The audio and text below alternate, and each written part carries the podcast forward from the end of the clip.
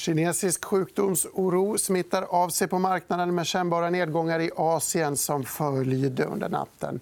Här i Stockholm backar börsen också med cykliskt i botten efter Sandviks eh, premiär på rapportsäsongen. Det är tisdag den 21 januari. Du tittar på EFN Börslunch.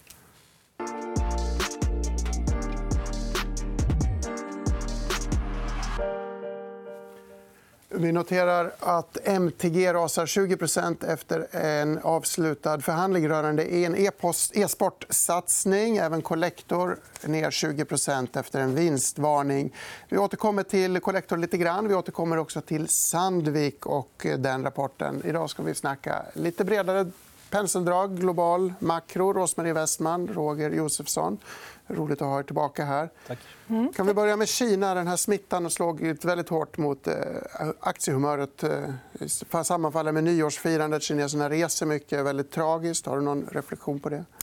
Nej, egentligen inte. Vi har haft tidigare såna här med sars och svin pest på att säga, och andra problem. Men eh, oftast så har det eh, varit en kortsiktig oro. Sen, sen får man fatt i dem där och eh, kan begränsa skadan. Mm. Jag tycker det är viss ironi att eh, kineser nu som har allt utbyggt och övervakningssystem faktiskt inte kan övervaka. Det här är någonting som då inte går att övervaka. Så det, är, det är väl en, en, en, lite ironi i det hela.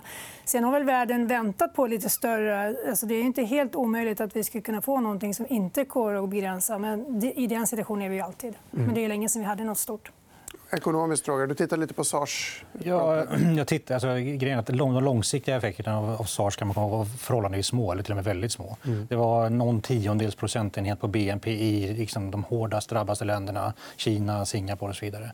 Men, men de initiala effekterna var faktiskt ganska stora. Du hade en, en kreditriskpremierna steg med någonstans runt 2 procentenheter. Eh, omsättningen i detaljhandel och resor och så vidare sjönk med någonstans 15-20 i, i, de här, i den här regionen. Så det är klart att det kan ge kännbara kortsiktiga effekter men de långsiktiga är förhållandevis, verkar förhållandevis små. Mm. Men sen är det, ju liksom, det här är ju okänd materia för alla. Tror jag. Det här är väl någonting man verkligen får hålla lite koll på och se hur det sprids utanför gränserna och hur dödligheten ser ut att, eh, att utvecklas. Framförallt. En potentiell svart svan. Kanske. Vi ska rikta blickarna lite grann mot Davos. också. Vi kan nämna att BIS, eh, centralbankernas bank har varnat för gröna svanar som ett nytt finansiellt hot. Det handlar förstås om klimatrelaterad risk. Och där är er typ av kompetens tyvärr helt irrelevant, skriver BIS. Man behöver andra glasögon för att förstå. Därför vänder vi blad och går vidare. Vi noterar att inför Davos är toppcheferna ganska dystra. PWC har gjort en enkät över läget. Toppcheferna som besöker Davos är en liten speciell population. Får vi komma, det också, kom ihåg det är ett svårläst diagram.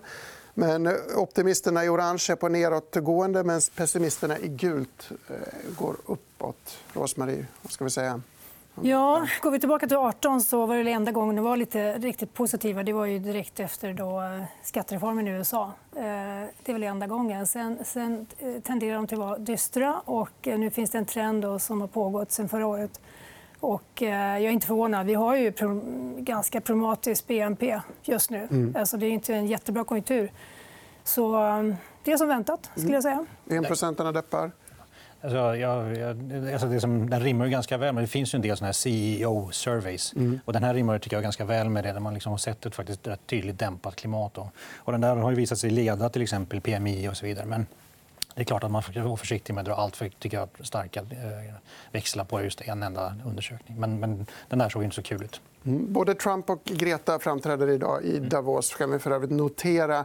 Eh, inför det här mötet så justerade IMF ner sin BNP-prognos. Vi har lite staplar med oss därifrån. Världs-BNP i längst till vänster.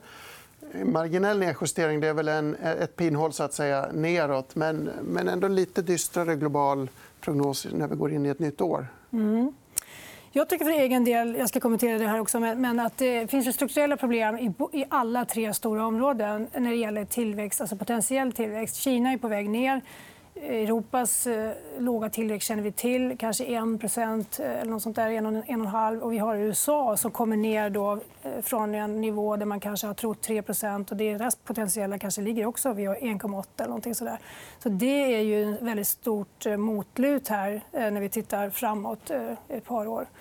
Och den korta sikten här då, jag tycker att man kan dra en slutsats när det gäller IMFs prognoser. Det är att mycket av den återhämtning som faktiskt finns här mellan 19 och 20 den bygger helt och hållet på tillväxtländerna. Och då hade de väldigt svaga eh, tillväxt, de hade svag tillväxt 2019. Mm. Och det är egentligen den eh, återhämtningen då som speglas i de här siffrorna. Att de trots allt tror att den globala tillväxten då ökar 2020. Bara så att jag är med innan du mm. hugger in, Roger. För att den här nedjusterade prognosen ska bli verklighet så måste tillväxtländerna leverera. Fattar jag, mm. fattar jag det rätt? Då? Fortsätt. Ja, och det är det här som, som stör mig med alla de här prognoserna. Tittar man på tillväxtekonomier... Men vi pratar om den här japaniseringen och secular stagnation i vår del av världen. Men tittar man på tillväxtekonomier exklusive Kina och Indien som ju eh, dels har BNP som mål så kan man konstatera att ingen av de här tillväxtekonomierna växer snabbare än vad de utvecklade ekonomierna gör. Så den här, det är en synkron eller japanisering. Och det här är ju rätt oroväckande. För 7-17 ska då de här tillväxtekonomierna få igång sina ekonomier. Och jag menar, som ekonom måste man ju säga att det är strukturella reformer som krävs. Men det vi ser att de gör och har gjort egentligen sedan 2012 någonstans, ja, det är ju bara att öka på krediterna.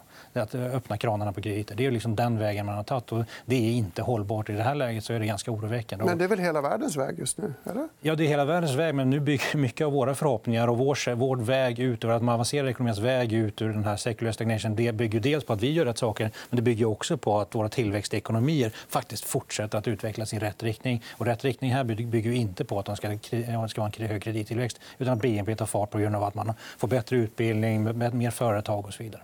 Vill du plocka upp eller ska jag fråga dig om Kina som ehm, komponent? Ja, jag tycker ledarskapet har förändrats. För att det fanns ju mycket optimism ett tag alltså, i de här länderna som Indien. och så där. Men den har ju försvunnit. Alltså, det har blivit ett mer auktoritärt ledarskap som, som inte gynnar ekonomin. Och det är på flera ställen. Du sa att Kina inte hade så mycket kontroll som man kanske kan tro när det gäller den här sjukdomen. Har Kina mm. så mycket kontroll som man antar när det gäller att stimulera ekonomin? Förra året lyckades man ändå göra mm. det. Det är en stor parameter i den här globala spelet? Ja, alltså det lyckades bättre än förväntat förra året. Och det var ju då med eh, ganska moderata insatser. Det var inte lika mycket som tidigare, men det var ju en hel del. Eh, det var säkert inte helt enkelt. Eh, utan de gjorde en ansträngning för det där. Och jag, tror att inte, jag tror inte att de är beredda att göra samma sak 2020.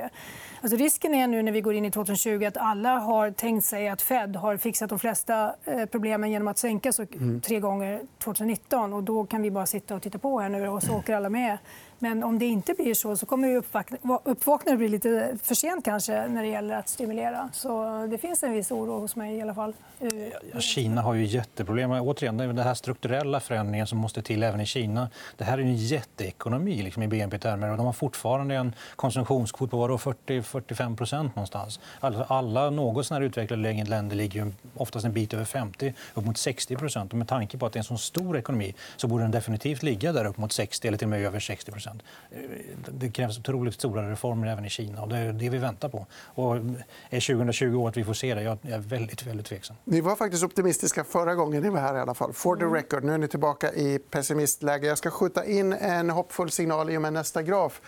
Här ser vi global handel som förstås pekar brant neråt. Men en del ledande indikatorer i grått och lila som delkomponenter i PMI-siffror bland annat tyder ändå på en vändning här. Kan inte... Jag vill slå tillbaka direkt på det. Alltså med att jag, förra gången var vi förhållandevis optimistiska. Nu kanske vi är förhållandevis, eller jag, förhållandevis pessimistisk. Min bild är liksom inte att vi ska gå in i en ny recession här och nu. Men vi, går in, vi fortsätter i den här långa liksom, sotöden som jag tror jag kallade den när jag var här mm. sist gång. Nämligen att vi glider liksom långsamt in i något som är svagare. Och apropå den här handelssiffran så tror jag man, det här stämmer ganska väl med tror jag, det scenario som många målar upp och jag också. Det vill säga att handeln gör någon form av återhämtning 2020. Men som andel av BNP till exempel så kommer kommer den fortfarande då att, att, att glida ner. Då. Så det här är väl bara en effekt av att handelskriget lättar lite grann under 2020. Möjligtvis. Hur viktigt är det här miniavtalet vi såg? Ehm, ja, jag tror inte att det betyder så mycket mer än att det naturligtvis förhindrar en eskalering. Och det i sig är ju positivt. Då. Men eh, jag tycker också att eh, när vi satt där förra gången då hade vi förhoppningar om, förutom centralbanker, att det skulle bli lite mer fiskal eh, policy mm. här och där. Det blev det egentligen väldigt lite av. Så det tycker jag man kan ja, det kan man notera att så inte blev fallet. Och, eh, så man, har, eh, man har väl tagit den lätta vägen igen då, återigen med centralbanken och ingenting annat. mer eller mindre. Och, eh, det är väl, jag tror att den här inbromsningen den kan vara tillräckligt stor för att man måste ut på banan på lite bredare front. Och då kanske man kommer vara lite sen i steget, som jag sa tidigare. Det blir sjukt intressant att kolla just jag menar, Nu har vi ett handelsavtal mellan USA och Kina. Och vi vet ju att det pågår en process där även EU försöker komma överens med Kina. Och Kina har ju lovat eh, dyrt och heligt att det här, att det här handelsavtalet mellan USA och EU inte ska påverka Europa. Men det låter ju otroligt. Ska de i princip fördubbla sin, sin import från USA så ska inte det påverka Europa. Det låter otroligt naivt från mitt perspektiv. Mm. Många frågetecken. Mm. Många har också väntat på rapportsäsongen som vi pratade lite om i början av programmet. Dagens förlorare har vi en kursgraf på. Sandvik handlades ner kännbart och drog med sig hela verkstadssektorn, allt cykliskt. Har sen kommit tillbaka lite grann. Vi kan väl nämna MTG och Collector. Som sagt, eh, otroliga nedgångar där. Och eh, Collector ska vi prata mer om snart, apropå skulder i samhället. Men jag vill lyssna på Hampus Engelau som vi hade i studion här nyss. Verkstadsanalytiker på HB. Han pratade om Sandvik-rapporten. Det lät så här. Min bild var väl att man trodde att man skulle se en uppbromsning i Q3. Och den var inte lika tydlig. Utan Q3 var överlag bättre än väntat för de här bolagen. Eh, och eh, därifrån har aktierna rört sig upp 40-45% i Sandviks fall. Mm.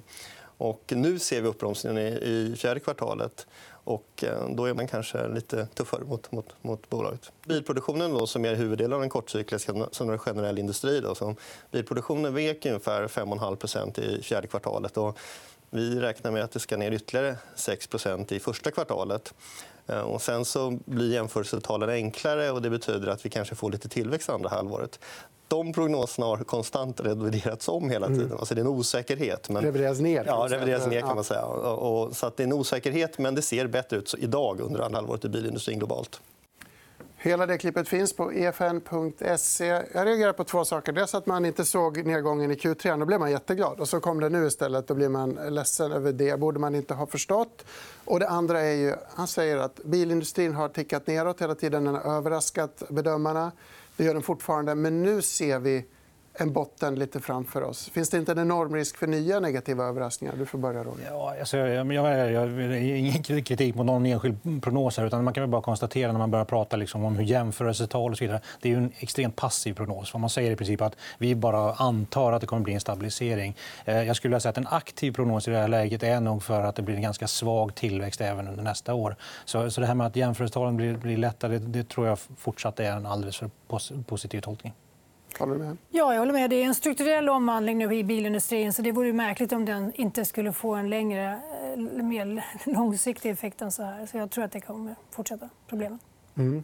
Tar ni med er något av Sandvik-rapporten som första verkstadsbolag i den här cykliska... Eh, noterar att det var ganska bra. Eh, bättre kanske i USA än jag hade förväntat mig. Men det verkar som att de lägger fortfarande lite grann efter Europa, då, som är svagt. Mm.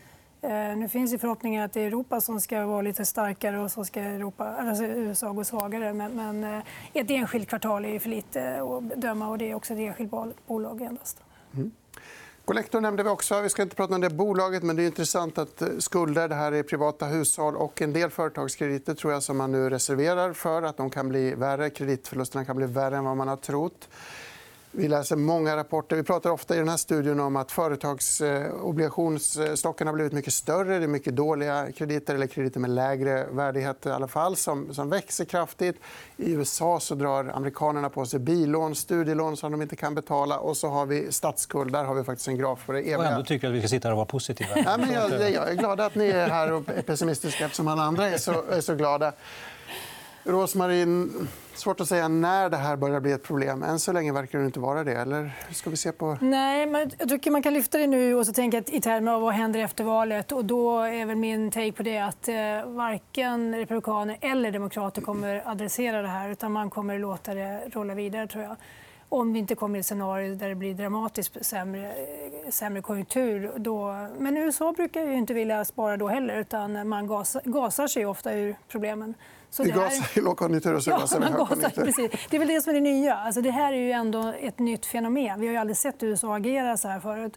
Och eh, det är möjligt att de har tänkt så här med de här låga räntorna att kommer vi ha det väldigt länge så är det här inget problem. Men eh, det kan man ju inte vara riktigt lika säker på i nåt läge. Utan, utan vi har ju haft 30 år med fallande räntor och inflation. och Vid nåt tillfälle så kommer det naturligtvis vända. och Då kommer det att bli en ganska stor huvudvärk. Man dessutom har så pass stort beroende också av den utländska, utländska investerare till att finansiera den här statsskulden. Mm. Ja, och sen så är ett av problemen att skatteintäkterna varierar ju ganska tydligt med mm. BNP. Och det är klart att mm. förutser man en period där BNP kanske inte går ner eller blir negativ men ligger lågt under lång tid då blir det otroligt svårt att bära den här skuldbördan. Och menar, nu är det ändå liksom högkonjunktur i USA och så kör vi underskott av den här storleken. Och det tycker man kan ta till just när vi pratar om företag och hushåll. Kanske inte kopplat direkt till kollektor men om man tittar på USA, och Europa och ja, emerging markets också kan vi konstatera att skuldkvoterna har bara rusat de senaste tio åren. Och ser faktiskt också de senaste tre, fyra åren att de här så kallade debt service ratio, alltså kostnaderna för amorteringar och räntor har stigit som andel av företagens och hushållens kassaflöden. Och ganska tydligt också i, i företagssektorn så har de gått upp mer nu under den här expansionsfasen än vad de har gjort i någon tidigare fas. Fascinerande. Fast det är så billigt att låna så betalar man mer för sina ja, lån. Alltså. Precis. Och det, och det säger något om känsligheten. Mm. För det är klart att får man då ett fall i intäkter och cashflow det är klart att då kommer det se helt annorlunda ut i, i nära framtid. Men å andra sidan, räntorna kommer aldrig att gå upp. Eller? Eh, men det blir tuffare tror jag. Om vi har en, en eh, långvarig nedgång så kommer det här bli tuffare. För att det är klart att tidigare har man varit van vid att problemen löser sig med låga räntor och sen får vi då en konjunkturuppgång ganska snabbt om man tittar på 2016 mm. eller 2012. Eller så. Det gick ganska snabbt upp. Om det inte gör den här gången så kommer det klart att eh, då kommer det svida mer. Och då kommer tror jag, svagheterna i systemet också sprida sig lättare. Ja, det äter sig in i... Ja, men det, som, det som jag tror är grejen är inflationen. förstås. Mm. Det är, fortfarande, det är en sån grej som vi fortfarande sitter... Liksom, var är den någonstans? Vi letar, letar med ljus och lykta och lyfter över. Det är klart att en sån grej skulle mm. definitivt kunna lyfta upp räntorna och få ner realräntorna också. Vilket någonstans skulle kanske underlätta den här skuldproblematiken. Men fram till det händer så kan dagens sista graf eh, fortsätta bli längre och längre. Den längsta rusningen någonsin. En klassiker. Vi har tittat på den förut. Goldman Sachs tror jag ligger bakom den. Uppgången liksom bara slår nya rekord varje dag. Ja, alltså, återigen, det är, den, det är den längsta bullrun vi har upplevt. Och det är snart också den största tror jag vi har upplevt. Det ligger väl efter 90-talsrusningen eh, ett tag fortfarande. Men jag tycker den stora grejen när man tittar på P tal och sånt där, är att många börjar... Alltså det finns ju en, hel del pessimister där ute trots allt. Många av dem säger att men nu går vi in i en sån här fas när det blir negativ tillväxt, när vi har eh, P talen på de här nivåerna, när vi har de här eh, framåtblickande P talen också ser alldeles för höga ut. Men samtidigt ska man komma ihåg att intervallet, liksom osäkerhetstalet för det här är enormt enormt stora. Så dra, att dra några slutsatser från det där tycker jag är svårt. Det som är viktigt tycker jag är att vi måste få igång earnings per share. Det måste vara organisk tillväxt. för Det kommer driva investeringar. och Det kan också göra att vi nästa gång när vi kommer hit kanske är lite optimistiska igen. Men där är vi ju inte. Vinsttillväxten i amerikanska företag är ju ganska platt, prognosen framåt. Eh, Mm. Men prognoserna har kommit upp eh, skulle jag säga, okay. i marknaderna. Om det sen är whispering numbers eller inte. Men jag skulle säga att det finns förväntningar på vinsttillväxt för 2020. Om vi ska blicka framåt. Då. Vi har mm. ett helt nytt årtionde. Det låter som att vi, det kan bli ett japanskt årtionde när vi står still. För mig är det här finanspolitikens årtionde. årtionden. Eh, vi har pratat om eh, penningpolitik och räntor i 10-20 års tid. Men 2020 för mig kommer bara handla om politiken. Vi har ju, ser ju liksom föregångslandet USA, men vi kommer se väldigt många tror jag, såna här mer vad ska vi kalla det, kirurgiska ingrepp eller vad man ska kalla det, för olika typer av marknadsmisslyckanden där stater och regeringen kommer försöka gå in och reglera ekonomin igen. Jag tycker inte att det är en allmängiltigt god lösning lösning. Det, men men jag, jag tror att det är det som kommer att hända. Det som förvånade mig förra året var att eh, Fed eh, körde igång sina kvantitativa lättnader. Eh, man sa att man skulle hjälpa till lite grann, men man ligger fortfarande med 60 miljarder och köper dollar per månad. Och det är visserligen bara i korta änden man får en brant kurva på det sättet och så vidare. Men jag tycker ändå att det är lite speciellt att dra igång det så, i, i så stor skala. Det blir ändå 60% av hela mm. Eh, upplåningsbehovet för 2020. Och det eldar ju på den här eh, initiala uppgången här nu att vi har så mycket likviditet eh, som kommer från den sidan. Och kanske att man skulle ha hållit i det verktyget lite längre och så låtit, alltså nu har inte de jättemycket utrymme, men om vi tittar på det fiskala, det blev ingenting av det fiskala den här gången heller. Och sen sitter man då och utnyttjar det här verktyget. Det är inte jättemånga verktyg kvar sen när man ska verkligen adressera problem. Så jag, jag är lite besviken på det faktiskt. Att, eh, Powell blev ganska lätt påverkad och, och kanske blir en ny Greenspan. Alltså, han kommer nog kunna få, få lite kritik. Fast samtidigt det var svårt att låta det. Men skulle man inte skulle man hållit kvar i QE-instrumentet då skulle det, effekten av det skulle blivit att de korta räntorna skulle stiga och vi skulle fått en de facto åtstramning i ekonomin. Mm. Och det kan man inte låta hända. helt enkelt. Nej, det, det finns liksom olika grader. skulle jag säga. Och det, där, alltså, eh, det är möjligt att de skulle kunna avbrutit själva nedbantningen av det men inte att de skulle liksom kört på igen då med att bygga ut den balansräkningen. Mm. Men det finns problem i repomarknaden så de var tvungna att göra någonting. Det håller jag med om. Så det var ju lyhört och rätt sak att göra. Men att de låter det liksom gå på och bygga ut så pass mycket nu under 2020 det luktar ju lite ändå att, det, att man hjälper till här på valfronten. Alltså med val. Precis. Alltså, jag försöker vara lite positiv. Men... Är repomarknadens problem från början? Då? Var inte det en oroshärd i sig att, att ta, ta, allvar, ta på allvar? Eh, ja, men det är väl konstruktionen. Alltså, reserverna är, kassareserverna är för, för, för låga i, i USA. Och vad det beror på exakt eh, det är svårt att säga. Det är dimensioneringsfråga, alltså de stora bankerna. Alltså det är väldigt svårt att sätta fingret på hur man skulle lösa det på nåt annat sätt. Men jag tycker nog att de tog i för mycket. helt enkelt. De kunde adressera det mer temporärt. Jag, jag, jag, tyckte att det var ganska tydligt. För mig var det mm. uppenbart att det, det handlar, vad det handlar om regleringar. Bankerna vill, är så otroligt rädda om den här mm. likviditeten för att liksom inte möta upp mot, alltså slå in några såna regleringsmässiga tak. Mm. Eh, och därför var man tvungen helt enkelt, att skjuta till likviditet för de vägrade låna ut pengar. Helt enkelt. Eh, så därför måste man göra någonting. Det var det som Fed gjorde nu. Sen är det, ju, det jag tycker är oroväckande är att det fortsätter så här långt efter årsskiftet. För Det var mm. det som liksom var tror jag, kruxet alla väntade. På andra sidan årsskiftet blir allting bra. Och det ser det inte riktigt ut att ha blivit än. Helt enkelt. Så det är väl det som är oroväckande. Vi får hoppas att allting blir bra efter halvårsskiftet istället. Om inte det så tar vi med oss denna appell till världens regeringar. Var snäll och ta tag i detta. Vi i Börslunch fortsätter imorgon. 11.45 är vi tillbaka. Då kommer Andreas Brock och Niklas Larsson att gästa studion och prata globala aktier. Häng med oss då. Och tack så mycket för idag. Tack.